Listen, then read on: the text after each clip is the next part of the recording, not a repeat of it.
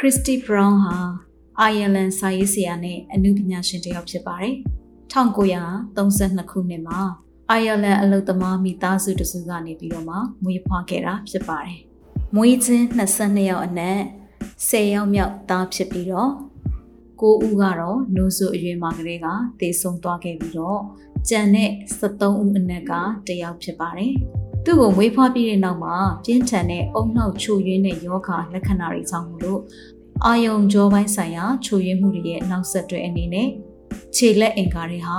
လုံလုံလျက်လျာလှုပ်ရှားဖို့ခက်ခဲသွားတာဖြစ်ပါတယ်။ဆရာဝန်တွေကသူ့ကိုဆေးရုံတင်ဖို့တိုက်တွန်းခဲ့ပေမယ့်အလုသမားမိသားစုဖြစ်တဲ့သူ့ရဲ့မိဘတွေကတော့အိမ်မှာပဲတခြားသောကလေးတွေနဲ့တန်းတူပြုစုပြောထောင်ဖို့အတွက်ဆုံးဖြတ်ခဲ့ကြတာဖြစ်ပါတယ်။ သူ့တကူလုံးမှာထိမ့်ချုပ်ပြီးလှုပ်ရှားနိုင်တာဆိုလို့သူ့ရဲ့ဘယ်ဘက်ခြေထောက်တစ်ချောင်းပဲရှိပါတယ်။ဒီဘယ်ဘက်ခြေထောက်ကလေးနဲ့ပဲသူဟာစာရေးခြင်းနဲ့ပကြီးဆွဲခြင်းကိုလေ့လာသင်ယူနိုင်ခဲ့တယ်။အချိန်ကြာလာတာနဲ့အမျှ Brown ဟာအယိုးအကျော်စစ်ပိုင်းဆိုင်ရာကုထုံးရဲ့ရလဒ်အဖြစ်သူ့ရဲ့အပြောအဆိုနဲ့သူ့ရဲ့ခန္ဓာကိုယ်ကိုထိန်းချုပ်နိုင်စွမ်းနေဟာတနည်းပြီးတနည်းကောင်းမွန်လာတာကိုတွေ့ရပါတယ်။သူဟာတကယ်ပဲလေးနက်တဲ့အမှုပညာရှင်တစ်ယောက်ဖြစ်တယ်။ စာရေးရတာကိုပို့ပြီးတော့မှအာတန်နဲ့သူကိုယ်တိုင်ကလည်းသူ့ရဲ့အမှုပညာစွမ်းရည်ဟာစာရေးစွမ်းရည်လောက်မခိုင်ပါဘူးလို့သူဝန်ခံခဲ့တယ်ပေါ့။စိတ်ဝင်စားဖို့ကောင်းတာကသူဟာငယ်စဉ်ကတရဝင်ကြောင်းတက်ခဲ့ရခြင်းမရှိပါဘူး။ဒါပေမဲ့သူဟာ Sandy Mount မှာရှိတဲ့ St. Brendan School Clinic မှာတော့ခိတတက်ခဲ့ပါတယ်။ St. Brendan မှာသူဟာစာရေးဆရာ Robert Collins ဆိုသူနဲ့ဆက်သွယ်မိပြီးတော့မှ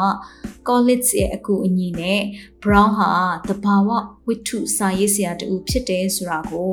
ရှာဖွေတွေ့ရှိခဲ့ပြီးတော့မှအဲ့ဒီနောက်ပိုင်းမှာ My Left Foot ကိုထုတ်ဝေဖို့အတွက်ကိုပိုင်ချိတ်ဆက်မှုတွေအသုံးပြုပြီးတော့အပြည့်အဝကူညီခဲ့တဲ့အတွက်ဒါဟာပထမဦးဆုံးကိုရေးကိုတာအထုပ်ပတ်တိမှတ်တမ်းအနေနဲ့ထွက်ရှိခဲ့တာဖြစ်ပါတယ် ခရစ်တီဘရောင်းကဘယ်လိုမျိုးအမှုပညာရှင်လဲဆိုရင်တော့သူကပကြီးဆရာစာရေးဆရာကြပြဆရာပြဆက်ရေးဆရာတယောက်လည်းဖြစ်ပါတယ်1954ခုနှစ်ကနေ1992ခုနှစ်အတွင်း My Left Foot အပါအဝင်စာအုပ်ပေါင်း9အုပ်ကိုထုတ်ဝေနိုင်ခဲ့တယ် Down All the Days ဆိုတဲ့ဝတ္ထုကိုဘာသာစကား14မျိုးနဲ့ဘာသာပြန်ဆိုထားတယ် သူ့ရဲ့ My Love Food ကိုတော့ဘာသာစကား၅မျိုးနဲ့ဘာသာပြန်ဆိုထားတယ်လို့သိရပါတယ်။ Christy Brown ဟာလူသိများတဲ့ဩဇာရှိတဲ့ Ireland ဝတ္ထုရေးဆရာနဲ့ပကြီးဆရာတွေကတယောက်ဖြစ်ပါတယ်။။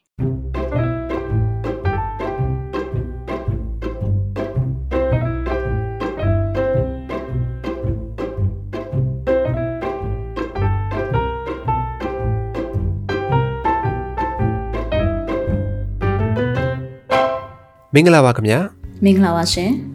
မြန်မာ Cinemability Network ကထုတ်လွှင့်တဲ့ရေရေမောမောပေါ်ပေါ်ပါပါ podcast အစီအစဉ်ကနေကြိုဆိုလိုက်ပါရစေ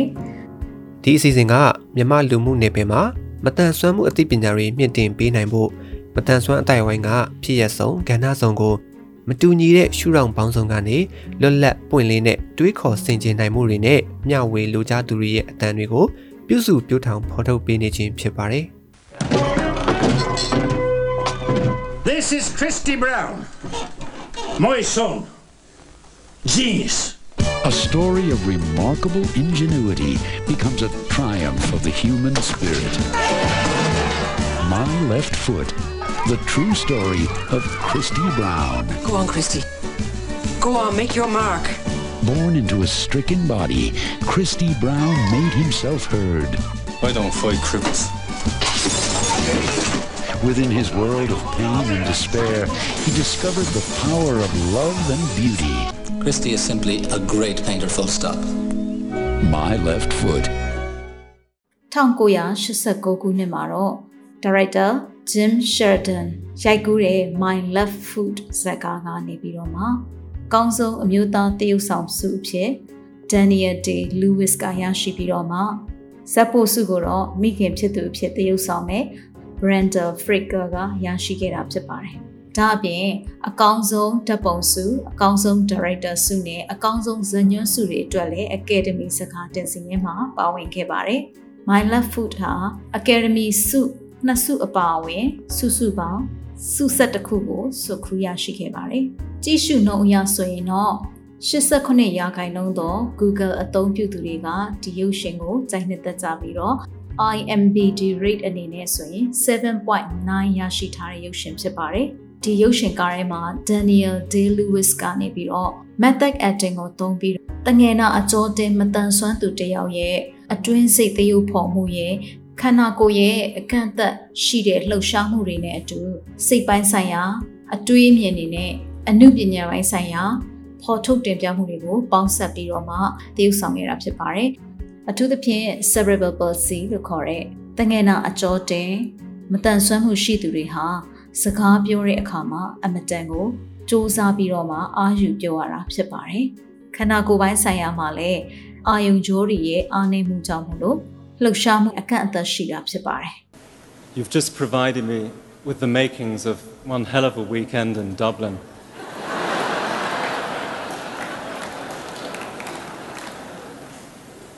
I shared Christa's life for a while with a remarkable young actor called Hugh O'Connor.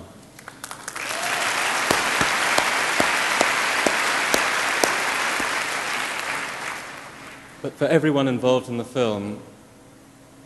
all our desire to make the film, all the strength that we needed, all the pleasure that we took in making the film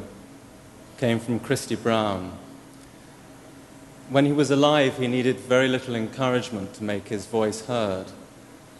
Um, now he needs a little more. And I'm truly grateful to you that in honouring me with this award, you're encouraging Christy to carry on making his mark. Thank you very much indeed.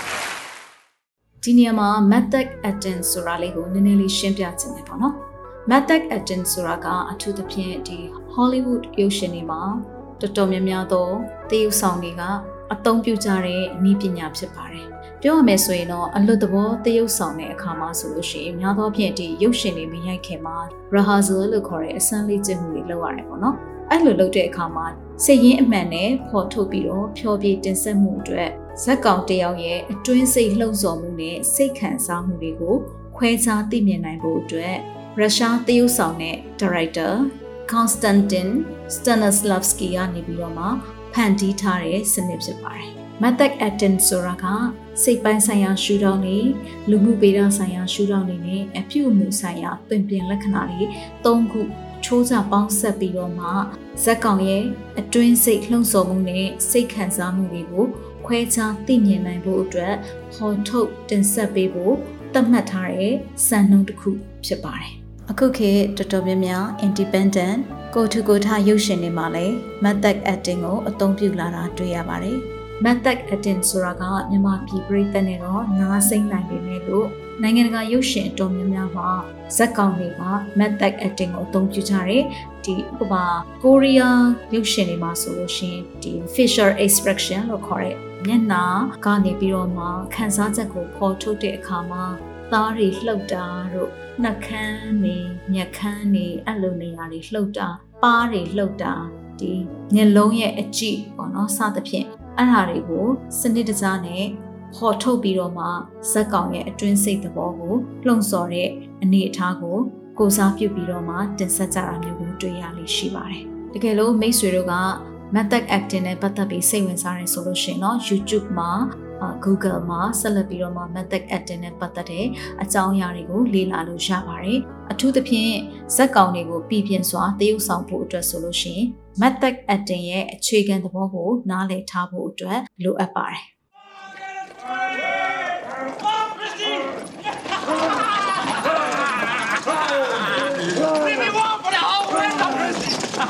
။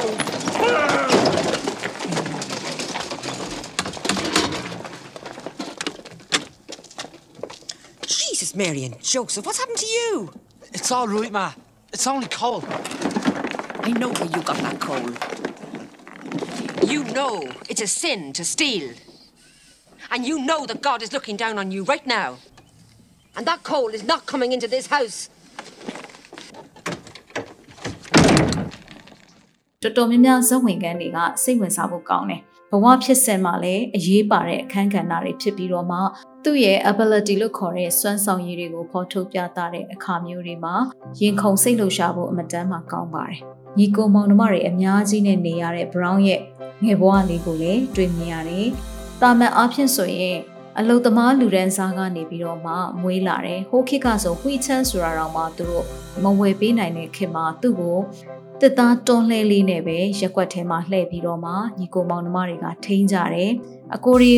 ညီတွေကအရွယ်ရောက်လာလို့စော့ကြတဲ့အခါမှာသူကိုယ်တိုင်ကလည်းပူပေါင်းပါဝင်ခြင်းနဲ့သူနဲ့လည်းပူပေါင်းပါဝင်ပြီးတော့ရက်ွက်ထဲကကလေးတွေကစော့ကြတယ်။အားကစားပိုင်းမှာဆိုလို့ရှိရင်လည်းဟိုခေတ်ကလို့လမ်းပေါ်မှာဘောလုံးကန်တဲ့အခါမှာသူကိုယ်တိုင်ကဒီကတ်တရလမ်းပေါ်မှာပဲဘောလုံးကိုဂိုးဝင်သွားအောင်သူ့ရဲ့တကူလုံးမှာထိမ့်ချုပ်လို့ ရတဲ့အဲ့ဒီဘေဘတ်ချရောက်လေးနဲ့သူက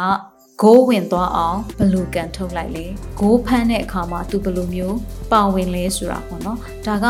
inclusion ဆိုတာကိုကျမတို့သွားမြင်ရတယ်ပေါ့နော် social inclusion တနည်းအားဖြင့်ဒီမတန်ဆွမ်းကလေးတစ်ယောက်ဟာလည်းအများနည်းတူစော့ကစားပိုင်ခွင့်ရှိသလိုသူ့ကိုပါဝင်ခွင့်လည်းပေးဖို့လိုသလိုသူကိုယ်တိုင်လည်းသူ့ရဲ့အစွမ်းအစာကိုဖော်ထုတ်ပြီးတော့မှလွတ်လွတ်လပ်လပ်ကစားခွင့်ရှိတယ်ဆိုတာကိုကျမတို့သွားပြီးတော့ခန်းစားမိတယ်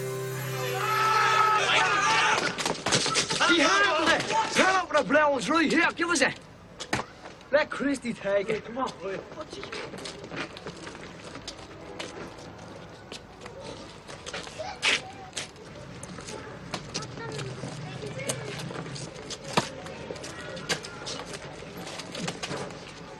You can't hold them up.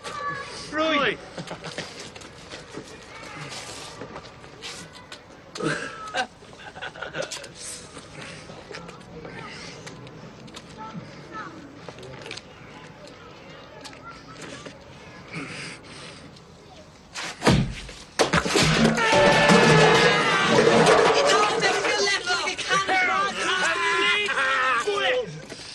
ဇက်ဝင်ခန်းထဲမှာဆိုလို့ရှိရင် Brown ကပထမဦးဆုံးစာစရေးတဲ့အချိန်ကဘယ်ဘက်ခြေမနဲ့ခြေညှိုးကြတဲ့မှာမြေပြူလေးကိုထည့်ပြီးတော့မှသူက M O T H E R mother မီးဆိုတဲ့စလုံးကိုအရင်ဆုံးစာရေးခဲ့တာတွေ့ရတယ်ပေါ့နော်အဲ့ဒီအခန်းလေးဟာလည်းအမတန်စိတ်လှုပ်ရှားစရာကောင်းတယ်အလုသမားလူဒန်းစားကနေပြီးတော့မှသားသမီး22ယောက်ကိုမွေးဖွားခဲ့တဲ့မိခင် လက်ရှိသားသမီး73ယောက်ထဲမှာမှမတန်ဆွမ်းဒီသားလေးကိုပါတနေ့တာပြုစုဆောင်ရှောက်နေရတဲ့မိခင်တယောက်ရဲ့အာမန်တွေကိုလည်းဒီဇက်ကားမှာအများကြီးတွေ့ရတယ်။ဒါကြောင့်မို့လို့လေမိခင်အဖြစ်တရုပ်ဆောင်တဲ့ Brenda Fraser ကဒီရုပ်ရှင်ကားမှာဇက်ပိုအကယ်ဒမီဆုကိုစုခုရရှိခဲ့တာဖြစ်ပါတယ်။ I don't believe this. I'd like to make a private thank you to um, Bina and Des and Ina Burke. And I'd like to thank every single member of the crew who worked on my left foot, who created an atmosphere of fun and love and hard work.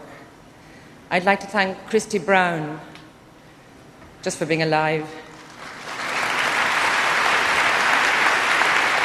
I'd like to thank Mrs. Brown, his mother. Anybody who gives birth 22 times deserves one of these, I think. I'd like to thank Jim Sheridan and Shane Connaughton for the best script I've ever been involved in. I'd like to thank Noel Pearson for producing the film and Jim Sheridan for just being the most incredible director. And the members of the Academy for giving me this, which I will take very proudly with me back to Ireland. Thank you. နောက်တစ်ခါကျတော့အရွယ်ရောက်လာတဲ့ brown ပေါ့နော်အမျိုးသမီးတွေကိုစိတ်ဝင်စားလာတဲ့ချစ်ချင်းမြတ်တာကိုစိတ်ဝင်စားလာတဲ့ brown ရဲ့ဘဝနဲ့အိမ်တော်ပြုတဲ့အရွယ်အထိသူ့ဘဝမှာချစ်ချင်းမြတ်တာနဲ့ပတ်သက်တဲ့ခံစားမှုတွေရုန်းကန်ရမှုတွေကနေ ရေရဲဝံ့ဝံ့ဖော်ထုတ်ပြောဆိုတဲ့ပောက်ကွဲတယ်ဒီရုပ်ရှင်ကားကိုကြည့်ပြီးတော့မှကျမရဲ့ကွယ်လွန်သွားပြီဖြစ်တဲ့မိတ်ဆွေတယောက်ကိုတွားပြီးသတိရမိတယ်အဲ့ဒီမိတ်ဆွေဟာလည်းဒီထဲက brown လိုပဲ cerebral palsy တငယ်နာအကြောတင်မတန်ဆွမ်းသူဖြစ်တယ်။သူကလည်း brown လိုပဲပေါ့နော်ဒီအတောက်သမားတယောက်ဖြစ်တယ်ပေါ့။အဲ့တော့ကျွန်မသူနဲ့ပတ်သက်ပြီးတော့မှအာကိစ္စရက်ကလေးတချို့ကိုတွားပြီးတော့မှသတိရတယ်။ဒီထဲမှာ brown ကနေပြီးတော့မှ သူ့ရဲ့ချစ်ချင်းမြတ်တာနဲ့ပတ်သက်တဲ့ကိစ္စကို more ကိုသူပောက်ကွဲပြီးပြောတဲ့အခန်းမှာဆိုလို့ရှိရင်အာကျွန်မဘာသွားသတိရမိလဲဆိုတော့သူ့ရဲ့ချစ်ချင်းမြတ်တာနဲ့ပတ်သက်တဲ့ခံစားချက်ကိုရေးရေးဝံ့ဝံ့ဖော်ထုတ်ရေးတယ်ဆိုတာကိုကျွန်မခံစားမိတယ်။အဲကျွန်မမိတ်ဆွေဆိုလို့ရှိရင်လေတခါတော့ကသူ့ရဲ့ခံစားချက်ကိုအပေါင်းအသင်းတွေရှေ့မှာသူပြောခဲ့တာကိုကျွန်မသိခဲ့ရတယ်။အဲ့ဒါပါလဲဆိုတော့ကျွန်မရဲ့ညီမဝမ်ခွဲလေးတစ်ယောက်နဲ့သူဆုံတွေ့ခဲ့ဘူးတယ်။ ဘာလို့လဲဆိုတော့ကျမအမျိုးသားကအမြင်အာရုံမတန်ဆွမ်းသူဖြစ်တဲ့အခါကျတော့ကျမရဲ့ညီမဝန်ခွေးလေးကတခါကလေးမှာရန်ကုန်ရောက်လာတယ်။သူကနေမှာနေတဲ့သူဆိုတော့ရန်ကုန်ရောက်လာတဲ့အခါမှာသူကကျမအမျိုးသားကိုကူပေးရင်းနဲ့နောက်ကနေပြီးတော့မှတချို့အခမ်းအနားတွေမှာတချို့လှုပ်ရှားမှုတွေမှာပါဝင်ပေးရတာရှိတယ်။အဲ့တော့သူကကျမကျမလေးကိုမြင်တဲ့အခါမှာဘယ်လိုပြောဘူးလဲဆိုတော့သူ့ရဲ့စိတ်ကူးတွေက ချစ်သူပုံရိပ်နဲ့တစ်ထပ်သေးဖြစ်တဲ့ဒီအမျိုးသမီးလေးကိုသူသဘောကျတယ်ဆိုပြီးတော့မှအဲသူကပုံပွင့်လေးလေးပြောခဲ့ပူတာကိုကျွန်မတော့အမှတ်ရတယ်ပေါ့နော်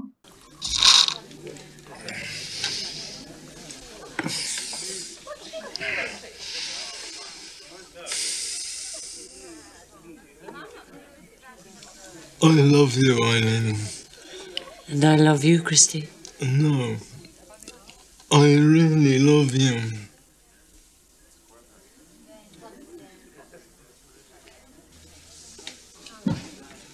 I love you all. That's good. I even love uh, Peter.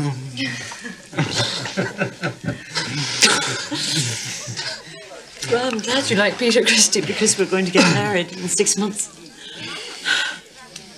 Christy, what do you think of that?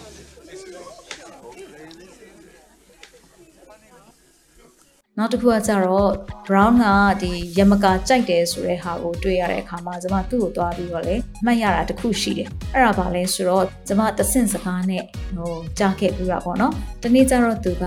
ဒီလိုပဲအတန်ဆွမ်း သူတွေရဲ့ social drinks ရှိရပေါ့နော်ဒါလူမှုရေးပိုင်းဆိုင်ရာအလုပ်လုပ်ကြတဲ့သူတွေစုံတွေ့ပြီးတော့မှအာစကားစမြည်ပြောရင်းနဲ့တောက်ကြရဲပေါ့အဲ့လိုမျိုးဆိုတော့ဒါမတန်ဆွမ်းမှုမျိုးစုံရှိကြတဲ့သူတွေကဆိုင်တစ်ဆိုင်မှာသူတို့ချိန်လိုက်ကြတယ်အဲ့တော့အဲ့ဆိုင်ကဘီယာဆိုင်ပေါ့နော်ပြောရမယ်ဆိုလို့ရှင်အဲ့ဆိုင်မှာချိန်ပြီးတော့မှ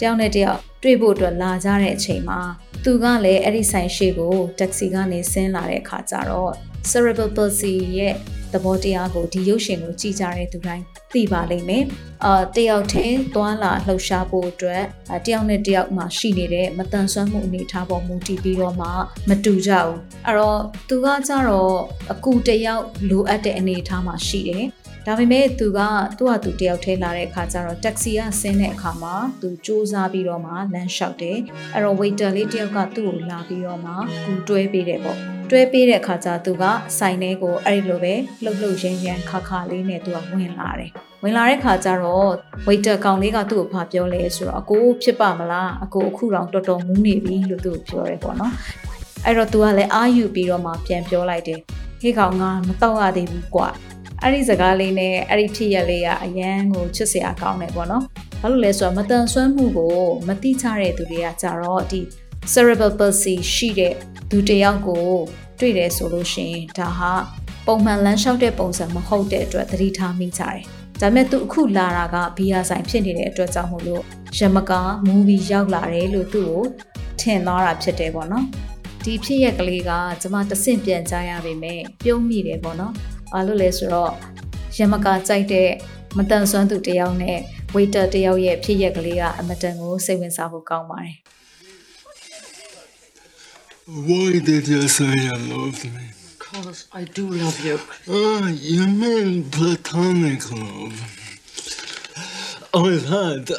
nothing but uh, platonic love uh, all my life. Do you know what I say? Fuck Plato! Yeah, fuck all love. There's not a hundred percent commitment. ဒါပေမဲ့စိတ်မကောင်းစရာကတော့သူကိုယ်တိုင်လည်းတည်ဆုံသွားတဲ့အခါမှာ brown လိုပဲအာတစုံတစ်ယောက်ရဲ့ကိုထိလက်ရောက်စော်ကားခံခဲ့ရတယ်လို့ယုံကြည်စရာကောင်းတဲ့အရာတွေကိုတွေ့ခဲ့ရပါတယ်တဲ့ ပြီးလို့ရှိရင်သူကလည်းအမေကိုတိတ်ချစ်တဲ့သူတစ်ယောက်ဖြစ်တယ် brown ကလည်းဒီကားထဲမှာအမေကိုအယမ်းချစ်တဲ့သူတစ်ယောက်ဖြစ်တယ်အမေရဲ့ကျူးစုယူရမှုတွေနဲ့ကြီးပြင်းလာတဲ့သူတစ်ယောက်ဖြစ်တဲ့အတွက်အမေဟာသူ့ဘဝရဲ့ hero လိုပဲဒီရုပ်ရှင်ကားထဲမှာလည်းအမေတယောက်ရဲ့အခန်းကဏ္ဍအရေးကြီးပုံကိုလည်းတော်တော်လေးကျမတို့မြင်ရတယ်ပေါ့နော်အမေဟာသားကို wheelchair လေးတစ်စီးဝယ်ပေးဖို့အတွက်လည်းငွေစုရတယ်ဒီသားရဲ့ကျန်းမာရေးအတွက်ဒီသားရဲ့အောင်မြင်ရေးအတွက်ဒီသားရဲ့နှလုံးသားရေးရာအတွက်အမေဟာအမြဲတမ်းသားအနာမှာရှိနေတယ်ပေါ့နော်အဲ့တော့ကျမရဲ့မိတ်ဆွေဟာလည်းအမေကိုအရန်ချစ်တဲ့သူတစ်ယောက်ဖြစ်တယ်အမေဆုံးပါသွားတဲ့အခါမှာသူဟာအရန်ခံစားခဲ့ရတယ်ဆိုတော့ကျမတို့ကြားရတယ်အမေဆုံးပါပြီးတိတ်မကြတဲ့နှစ်အတွင်းမှာပဲသူဟာဆုံးပါသွားတယ်ဆိုတော့ကျမတို့သိလိုက်ရတယ်ပေါ့နော်အဲ့အတွက်အမတန်ဝမ်းနည်းစရာကောင်းတယ် ဒီရုပ်ရှင်ကားလေးနဲ့လည်းတော်တော်လေးတိုက်ဆိုင်တဲ့မိတ်ဆွေတယောက်ဖြစ်တဲ့အတွက်ကျွန်မအခုပြောရင်းနဲ့ကိုစိတ်မကောင်းဖြစ်ရပါတယ် Happy birthday, dear Christy. Happy birthday to you. Go on now, everyone. He's a man now, Father. Come on, Christy, 17 candles. Now take a deep breath. Come on. Will you shut that baby up for Christ's sake? Take it easy, Christy. Come on. Go on, Christy. Come on. Go on, Christy.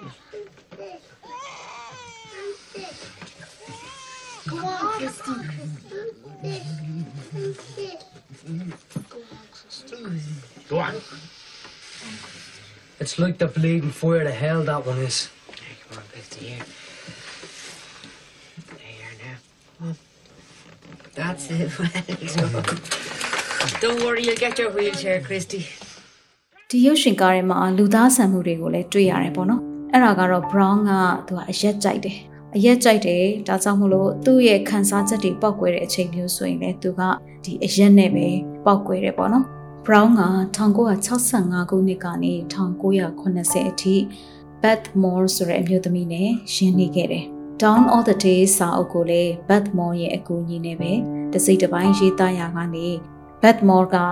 တနေ့တာအလုံးမပြီးမချင်းအရက်တောက်ခွင့်မရှိဘူးဆိုတော့ပုံစံမျိုးနဲ့တင်းတင်းစစ်ဆက်ကင်တွယ်တဲ့အခါမှာတော့သူဟာ Down all the days ဆိုတဲ့စာအုပ်ကိုပြီးမြောက်အောင်ရေးသားနိုင်ခဲ့တယ်။ ဒါပေမဲ့တကယ်တမ်းကျတော့ Brown ရဲ့တူဦးတဲ့သောဇနီးကတော့ Mary Carl ဆိုတဲ့အမျိုးသမီးဖြစ်တယ်။ဒီအမျိုးသမီးကပြောရမယ်ဆိုလို့ရှိရင်သူနဲ့လက်မထက်ခင်တော့ကတော့ပြည်တစားအဖြစ်အလုပ်လုပ်ခဲ့မှုတဲ့သူဖြစ်တယ်။သူက bisexual လို့ပြောတဲ့အတွက်ကြောင့်မလို့လိန်တူလိန်ခွဲနှစ်မျိုးစလုံးကိုနှစ်သက်တဲ့အမျိုးသမီးလည်းဖြစ်တယ်ပေါ့နော်။ Christy Brown ဟာသက်49နှစ်1982ခုနှစ်မှာညနေစာစားရင်းနဲ့အစာနင်သွားရာကနေပြီးတော့မှအင်္ဂလန်နိုင်ငံမှာကွယ်လွန်သွားခဲ့တာဖြစ်ပါတယ်။ သူတည်တဲ့အချိန်မှာသူ့ရဲ့ခန္ဓာကိုယ်မှာထင်ရှားတဲ့အဖုအထစ်တွေရှိတာကိုတွေ့ရှိခဲ့ရပြီးတော့ဒါဟာသူ့ရဲ့အမျိုးသမီးကားကနေပြီးတော့မှကိုထိလက်ရောက်စော်ကားခဲ့တယ်လို့လူအများကယုံကြည်ခဲ့ကြပါတယ်။တကယ်အမှန်တရားကိုတော့ Brown နဲ့ Carr ကလွဲပြီးတော့မှဘယ်သူမှသိမှာမဟုတ်ပါဘူး If it stops at Tom, I'll kill you.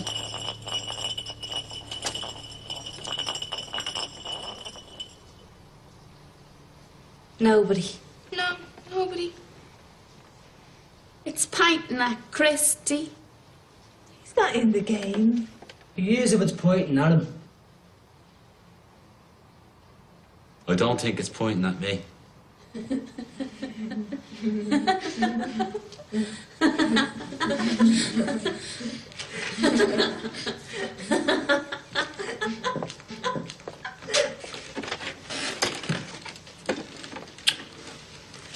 Sure, you're the nicest of the lot. And you've nice eyes too.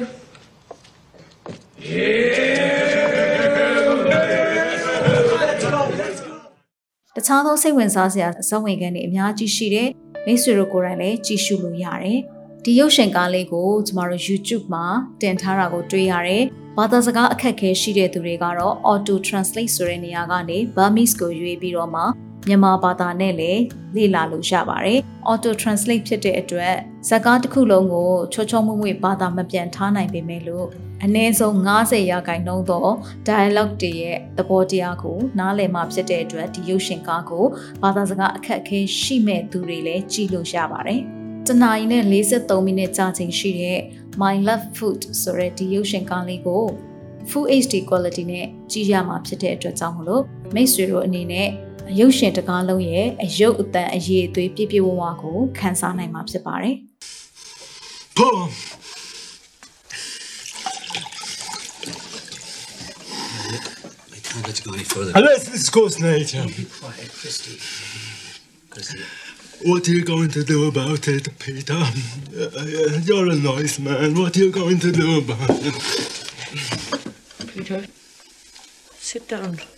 I'm gonna wheel you out of this restaurant. Yeah.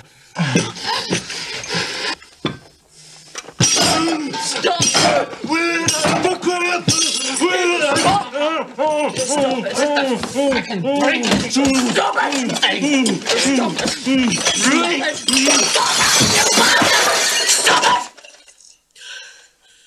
ကျမရဲ့တကူရဲ့ခန်းစားချက်အရဆိုရင်တော့ my love food ဟာရှေးခေတ်တာမန်လူဒန်းစားမှာမွေးဖွားလာတဲ့ မတန်ဆွမ်းသားလေးတစ်ယောက်ဒီသားလေးရဲ့အရေးအချင်းတွေဒီသားလေးရဲ့ကျမ်းမာရေးတွေကောင်းမွန်အောင်လို့မိခင်တစ်ယောက်ရဲ့ချစ်ချင်းမြတ်တာနဲ့ပြုစုပြောထောင်တာမတန်ဆွမ်းသူကိုယ်တိုင်ကလည်းကို့မှာနေပါတဲ့အကန့်အသတ်ရှိတဲ့အခွင့်အလမ်းတွေကနေကိုယ့်ရဲ့အမှုပညာအရေးအသွေးကိုရအောင်ဖော်ထုတ်ပြီးတော့စူးစမ်းသွားတာသူ့ရဲ့ချစ်ချင်းမြတ်တာနဲ့ရမကကြိုက်ချင်းဆိုတဲ့အစွန်းတရားနှစ်ဖက်မှာ သူဟာလှလှပပနဲ့ဘဝကိုရုန်းကန်သွားတာဒါတွေကိုမြင်ရတဲ့အခါမှာ Brown ရဲ့တကယ်ဘဝကိုရောရုပ်ရှင်ထဲမှာရှိနေတဲ့ Brown ရဲ့တဘဝလုံးကိုမြင်ရတာအယံခွန်အားရတယ်ဒီရုပ်ရှင်ကပေးတဲ့အတွေးအမြင်တွေခွန်အားတွေကနေပြီးတော့မှဘဝတူ cerebral palsy လို့ခေါ်တဲ့ဒီ တငယ်နာအကျော်တင်မတန်ဆွမ်းမှုရှိနေကြတဲ့မိတ်ဆွေတွေအတွက်လည်းအမှုပညာရေးရမှာပို့ပြီးတော့မှခွန်အားဖြစ်စေမယ်လို့ကျွန်မယုံကြည်တယ်။ကိုယ့်ရဲ့အမှုပညာတက်လန့်အတွက်ကိုဟာကြပြားစရာလည်းလုပ်လို့ရတယ်။ ပြဆက်ရေးစရာလည်းလုပ်လို့ရတယ်။စာရေးစရာလည်းလုပ်လို့ရတယ်။ပညာအရေးအချင်းအကန့်အသတ်ရှိနေတဲ့ Brown တောင်မှစာရေးစရာဖြစ်အောင်လုပ်ခဲ့တယ်။သူ့ရဲ့ခံစားချက်တွေကိုဖော်ထုတ်ပြီးတော့မှအယောင်နေနဲ့ဆေးချေပြီးတော့သူဟာသူ့ရဲ့ပကြီးပညာကိုလည်းကဘာကျော်အောင်လုပ်နိုင်ခဲ့တယ်။သူရေးခဲ့တဲ့စာအုပ်တွေကနေပြီးတော့မှလည်းရုပ်ရှင်တွေပြန်ဖြစ်လာတဲ့အနေအထားရှိတယ်။မိတ်ဆွေတို့အနေနဲ့လည်းဒီ My Love Food ရုပ်ရှင်ကားလေးကနေပြီးတော့မှမတန်ဆွမ်းသူတယောက်ရဲ့ဘဝဖြတ်တန်းမှုနဲ့ ခွန်အားရဝယ်စူးစမ်းအားထုတ်မှုတွေကို တွေ့မြင်ခံစားနိုင်မှာဖြစ်ပါတယ်။ခွဲထွက်လာတဲ့ရုပ်ရှင်များဆိုပေမဲ့ဒီ My Love Food ဆိုတဲ့ရုပ်ရှင်ကားကနေပြီးတော့မှမတန်ဆွမ်းသူတယောက်ရဲ့ဘဝအထုပ်ပတ်တိဖြစ်တဲ့အတွက်ဘဝဖြတ်တန်းမှုနဲ့သူ့ရဲ့စူးစမ်းအားထုတ်မှုတွေရုန်းကန်ရမှုတွေအောင်မြင်မှုတွေအမှုပညာစွမ်းရည်တွေကိုမိတ်ဆွေတို့ခံစားရရှိနိုင်မယ်လို့ယုံကြည်မျှော်လင့်ပြီးတော့မှဒီဇက်ကားလေးကိုတင်ဆက်ခဲ့ရခြင်းဖြစ်ပါတယ်။ မတန်ဆွမ်းမှုရှိကြတဲ့ညီကိုမောင်နှမတွေကိုခွန်အားပေးချင်တာကတော့ညီကိုမောင်နှမတို့မှာရှိတဲ့ငုတ်ရှိုးနေတဲ့အမျိုးမျိုးသောအမှုပညာပိုင်းဆိုင်ရာအရေးအသွေးတွေကိုဟောထုတ်ဖို့အတွက် MC Network ကနေရာကောင်းတစ်ခုဖြစ်မယ်လို့ယုံကြည်မျှော်လင့်ပြီးတော့မှဖိတ်ခေါ်လိုက်ပါတယ်။ဒီအစီအစဉ်ကိုနားထောင်နေကြတဲ့အခြားသောမိတ်ဆွေတွေအနေနဲ့လည်းမိမိတို့ရဲ့မိသားစုဝင်တွေထဲမှာမိမိတို့ရဲ့အတိမိတ်ဆွေတွေထဲမှာ မိမိတို့ရဲ့ဆွေမျိုးသားချင်းတွေထဲမှာယခုလိုမျိုး cerebral palsy လို့ခေါ်တဲ့တငယ်နာအကျော်တင်မတန်ဆွမ်းမှုရှိသူတွေရှိနေမယ်ဆိုရင်လေမိတ်ဆွေတို့ကသူတို့ရဲ့ရည်မှန်းချက်တွေသူတို့ရဲ့အိမ်မက်တွေကိုဝိုင်းဝန်းပြီးတော့ပူပေါင်းအကောင့်ထဲပေါ်ပေးဖို့အတွက်လေကျမအနေနဲ့မြစ်တာရက်ခံချင်တာဖြစ်ပါတယ်ဒီအပတ်တင်ဆက်မှုကတော့ဒီလောက်ပါပဲအားလုံးကိုကျေးဇူးတင်ပါတယ်ရှင်